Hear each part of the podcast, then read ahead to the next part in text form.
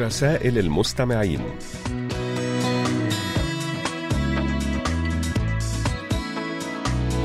معكم هذا الأسبوع يسري صوابي.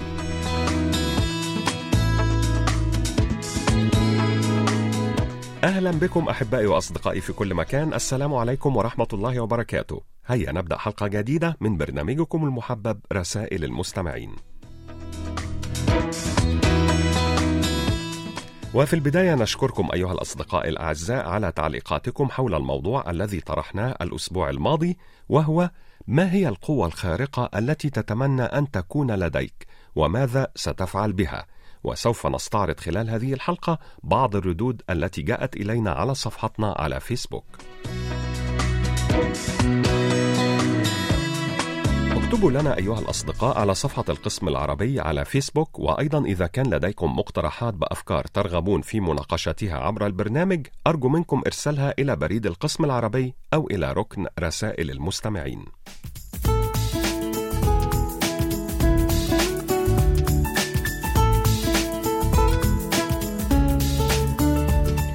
ونبدأ أحبائي مع مساهمة جميلة كالمعتاد من الصديق المحب على الدوام علي بن شهرة من مدينة تيارت بالجمهورية الجزائرية وأبيات من قصيدة حب لرأس السنة من تأليف الشاعر السوري العربي الكبير نزار قباني ويقول قام الشاعر نزار قباني بكتابة بيت شعر في رأس السنة وتعتبر هذه القصيدة واحدة من أجمل القصائد التي يمكن التهنئة بها في العام الجديد وتقول إنني أحبك ولا أريد أن أربطك بذاكرة الأفعال الماضية ولا بذاكرة القطارات المسافرة.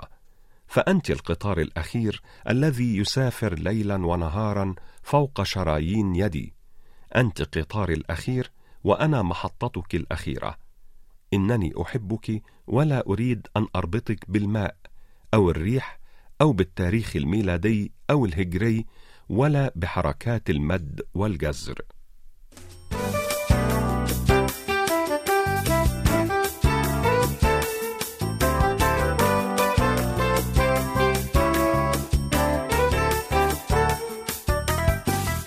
نواصل أحبائي مع قصيدة أخرى جميلة وصديقنا العزيز عمر حربيط العوني من تونس وقصة أغنية ميحانة ميحانة العراقية. يقول صديقنا العزيز عمر حربيط العوني يحكى أن شابا عراقيا من مدينة المسيب التي يشطرها نهر الفرات نصفين وتقع بين بغداد وكربلاء والحلة كان يمتلك قاربا صغيرا يجوب به نهر الفرات وينقل فيه الحبوب وغيرها. وقد اعتاد هذا الشاب الغناء بصوته الجميل في أثناء تنقله بقاربه فكان الناس يقفون على شاطئ النهر مستمعين لصوته الأخاذ. ونشأت قصة حب بينه بين هذا الشاب وبين فتاة ريفية اعتادت نقل الماء من ضفاف النهر إلى منزلها. ولم يكن يعلم بقصة حبهما سوى صديقتهما ميحانة التي كانت تشجعها على الإفصاح بحبها له. وبعد مرور مدة من الزمن وقعت حادثة أودت بحياة هذا الشاب فحزنت محبوبته عليه حزنا شديدا. وفي إحدى الأيام كانت تلك الفتاة جالسة على ضفة الشاطئ تغسل الأواني قرب جسر المسيب التاريخي. فمر القارب الذي اعتاد محبوبها ركوبه مرورا صامتا خاليا من حبيبها ومن صوته الجميل. فالتفتت لصديقتها ميحانة وقالت ميحانة ميحانة غابت شمسنا الحلو ما جانا حياك حياك بابا حياك. ألف رحمة على بيك. هذول اللي عذبوني هذول اللي مرمروني وعلى جسر المسيب سيبوني. هذه الأغنية من الأغاني التي اشتهر بها سفير الأغنية العراقية ناظم الغزالي. فما رأيكم أيها الأصدقاء أن نستمع إليها بصوت المطرب العراقي الكبير ناظم الغزالي تلبية لطلب صديقنا التونسي العزيز عمر حربيط العوني.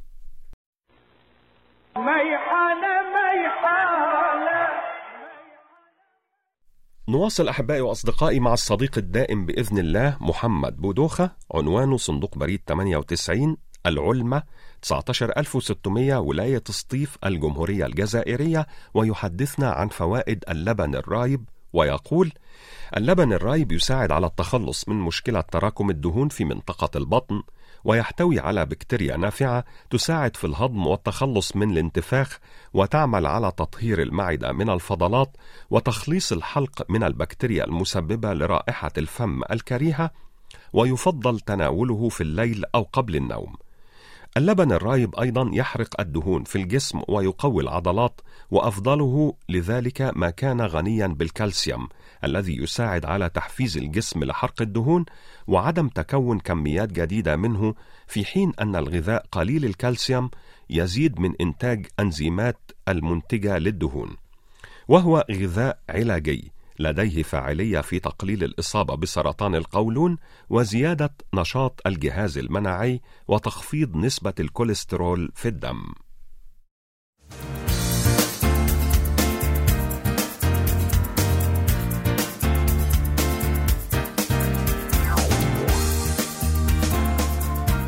أحبائي وأصدقائي وصلتنا رسالة لطيفة من صديقنا المستمع أسعد الحدادي من مدينة تطوان بالمملكة المغربية يقول فيها من بين أفضل الأشياء التي تعجبني في الإذاعات الدولية وبشكل خاص إذاعة ال KBS هو اهتمامها بالموسيقى خاصة الموسيقى التراثية الكورية. لذلك أعتبر برنامج أنغامنا الجميلة أحد أروع البرامج التي تتحفنا بها الإذاعة والذي بفضله تعرفت شخصيا على كنوز غنائية ما كنت لأصادفها لولا هذا البرنامج. فالموسيقى فضلا عن كونها مكونا رئيسيا من مكونات التراث اللامادي للشعوب فإنها في الحقيقة تشكل هوية أمة ما ولا شعورها الجمعي. وكم هو ممتع أن أستمع أنا هنا في المملكة المغربية إلى موسيقى بلد بعيد جدا عني ككوريا لكن عندما أستمع إلى هذه الموسيقى أشعر بأن المسافات قد طويت وأن الاختلافات قد انمحت. فيحل التقارب محل التباعد والتوحد محل التفرقة برغم اختلاف اللغة والأفكار والثقافة. إن الموسيقى شيء فوق الاختزال والحصر تستطيع أن تخترق كل الفروقات والتفاوتات لتصنع حيزا يلتقي فيه الناس برغم اختلافاتهم الكثيرة.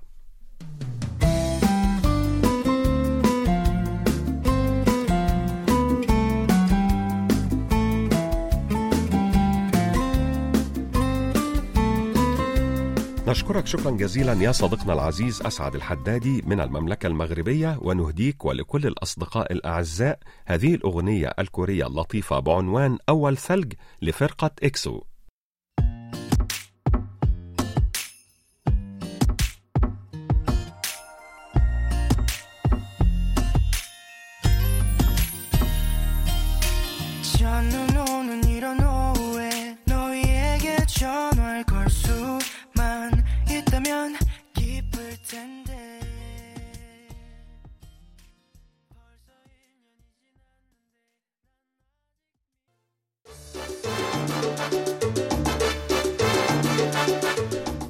الآن إليكم أحبائي وأصدقائي بعض الردود السريعة عن رسائلكم.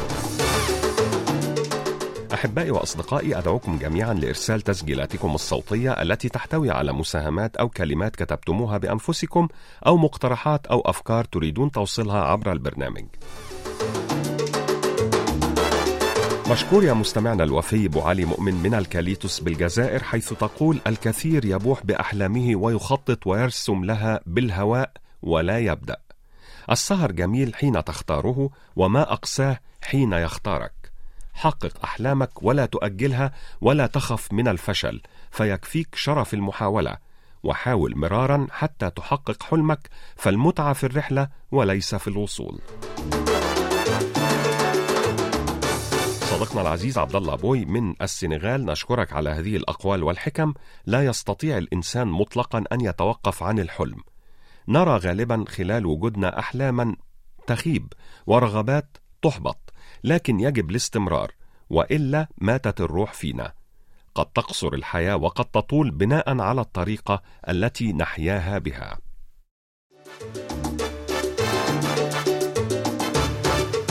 مستمعنا وصديقنا القديم البركة عبد الباسط من الجزائر. كل سنة وانت طيب يا صديقنا العزيز ونشكرك على رسالتك التي تقول فيها أتأسف عن الغياب لسنوات وقد عدت لكم مع مطلع العام الجديد 2022 وتحية طيبة وخالصة لكل أفراد القسم العربي وزملاء المستمعين متمنيا أن يكون عاما كله خير وبركة ورقي وأن يرفع عنا هذا الوباء. مشكورة يا صديقتنا المخلصة أوج شيماء من العاصمة العراقية بغداد على هذه الكلمات الحكيمة جميلة هي الحياة حين تكون قصتها كلها أمل وتفاؤل ونية صادقة ويكون عنوانها إلهي وكلت لك أمري فكن لي خير وكيل. وتواصل أوج شيماء قائلة كن نورا كن شكورا كن حرا كن أنت كن سعيدا. 우리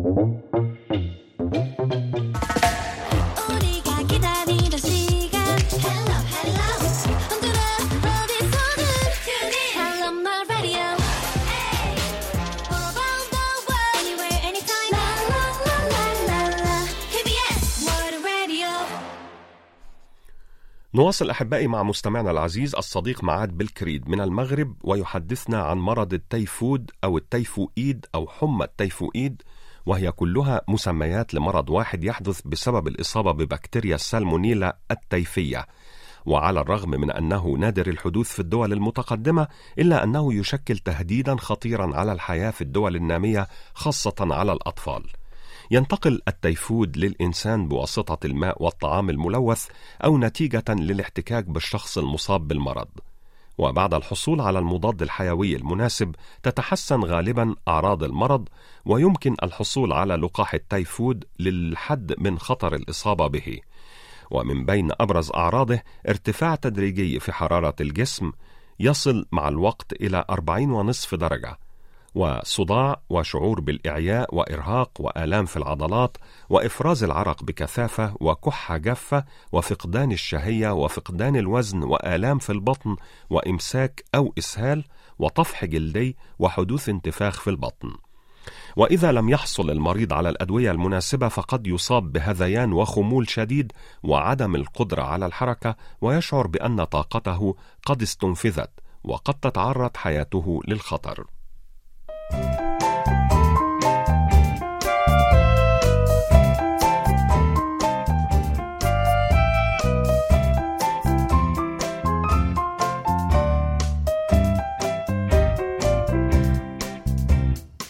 تحت عنوان خذ الحكمة من أفواه المجانين والأطفال كتب إلينا صديقنا العزيز الدكتور نوري عبد الرزاق وعنوانه صندوق بريد رقم 101 بني عزيز 19010 ولاية سطيف الجمهورية الجزائرية. ويقول دخل طفل صغير محلا تجاريا ودفع لصاحب المحل بعض النقود مقابل السماح له باستخدام الهاتف.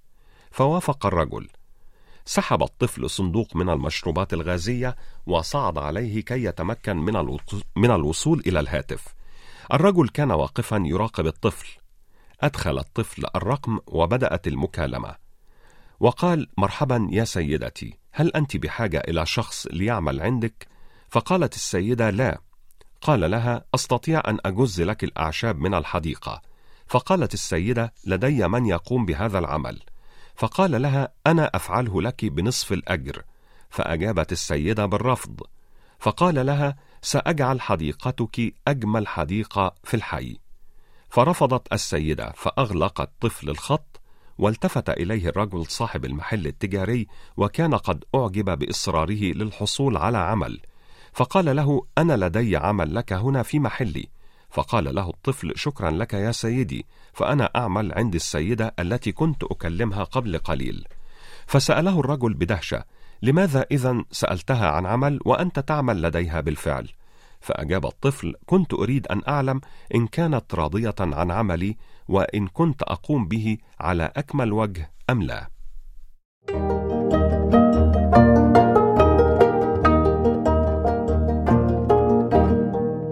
قضية الأسبوع. وموضوع هذا الأسبوع هو ما هي القوى الخارقة التي تتمنى أن تكون لديك وماذا ستفعل بها؟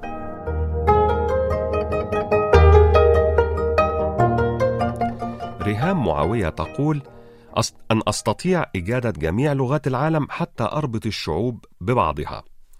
كيارا كوك تقول أريد السفر عبر الزمن لكي أصحح الأخطاء التي ارتكبتها. يارا أمين تقول السفر عبر الزمن خاصة في الماضي وأريد أن أعرف أكثر وأكثر عن الحضارة المصرية القديمة وأيضا الطيران لأنني أريد السفر لأي مكان حول العالم. هاروكا تقول الاختفاء عندما أريد الهروب من تجمع الناس أو من مناسبة لا تعجبني.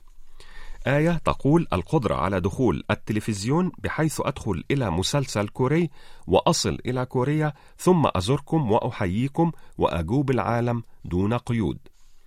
الصديق محمد صالح بن عنوز من اليمن يقول القوة الحقيقية هي الرضا بالقضاء والمكتوب.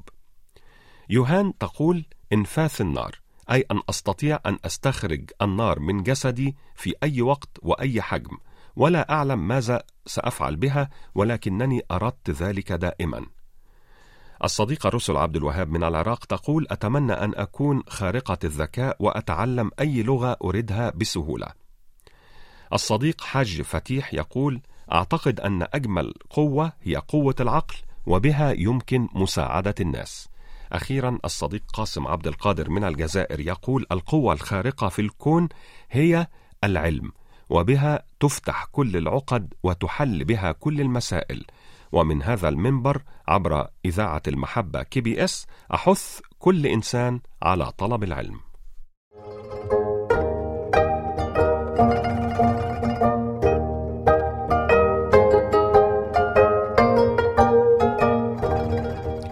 نشكركم أيها الأصدقاء الأعزاء على كل مشاركاتكم القيمة وننتظر منكم المزيد من المشاركات المفيدة والجميلة وسوف نواصل معكم بعد قليل.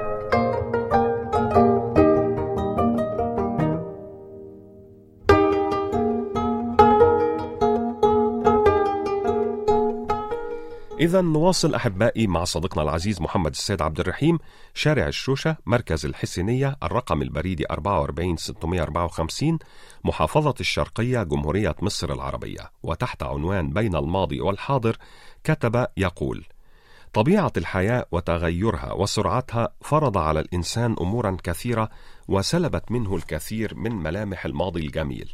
كما أنه مع مسيرة التطور المتسارعة التي قطعت بالإنسان اشواطا كبيرة نحو المستقبل شعر الإنسان بالحنين للماضي وملامحه التي افتقدها في واقعه اليوم. مما جعل البعض يشعر بتواري السعادة وخفتها خاصة لأولئك الذين عاشوا سنوات الماضي الجميل ببساطته وهدوئه وألوانه البراقة الرائعة. لذلك دعونا نسافر في رحلة سريعة للماضي الجميل. لنرى كيف كانت الحالة الاجتماعية أكثر هدوءا وتالقا. دعونا نتذكر أيضا كيف كانت جداتنا وأمهاتنا يقمن بصنع الخبز في المنزل. وقت أن كانت أمهاتنا يستيقظن قبل صلاة الفجر ويحضرن ليوم الخبز المنتظر. وأنا عن نفسي هكذا يقول صديقنا العزيز محمد السيد عبد الرحيم عشت هذه الأيام في قريتنا قبل عقود وقبل مجيئنا للمدينة حيث كنا ننتظر هذا اليوم الذي تفوح فيه رائحة الخبز في أرجاء المنزل وفي حديقته وفنائه الواسع. دعونا نتذكر أيضا الأعياد والمناسبات حيث يجتمع الكل في جو من السعادة والألفة والبهجة فترتسم الابتسامة الصادقة على الوجوه ويزداد القرب بين الكل صغيرا وكبيرا. إنها ذكريات جميلة وطيبة عندما نتذكرها نشعر بحنين جارف للماضي وصفحاته التي تجمع سنوات حياتنا التي مرت.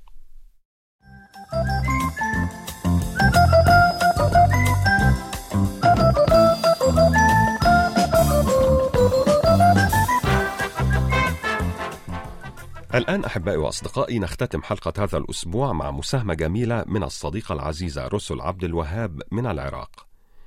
كتبت إلينا تقول: كتب جبران خليل جبران وهو يقول: قال أحدهم: وضعني أحد أساتذتي في مجموعة مع فتاة تدعى كاترينا، وتلميذ آخر اسمه فيليب.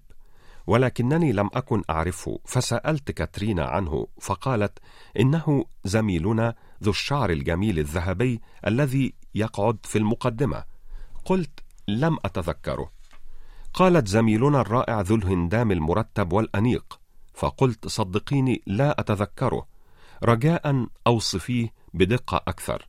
فقالت زميلنا الخلوق الطيب الذي يجلس على مقعد متحرك.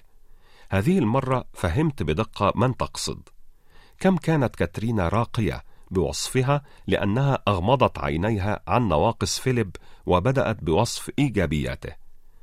سألت نفسي لو كان قد حدث العكس فكيف كنت سأصفه لها؟ كنت سأقول إنه زميلنا المسكين المعاق الجالس على كرسي متحرك. ما أجمل أن نركز دائما على ذكر إيجابيات الآخرين والتغاضي عن السلبيات. بين منطوق لم يقصد ومقصود لم ينطق تضيع الكثير من المحبة